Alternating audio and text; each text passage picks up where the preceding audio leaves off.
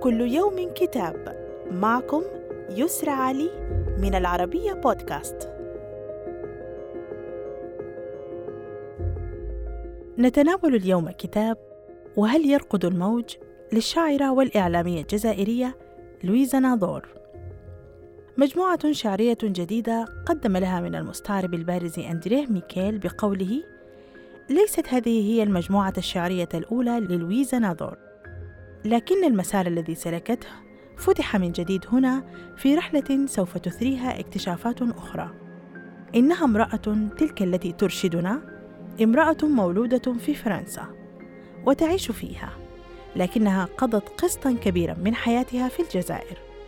كل ذلك في فضاءين رئيسيين فضاء الشفاهية ونغمات الأجداد في بلاد القبائل ولكنه توسع لكي يستدعي العالم كله من أجل شهادة تملأها الآمال والخيبات من ناحية الكلام المكتوب في الجزائر أو في فرنسا فيما وراء بحر يوقع بإرادة الرجال وحدها مستقبلا واعدا أو محبطا.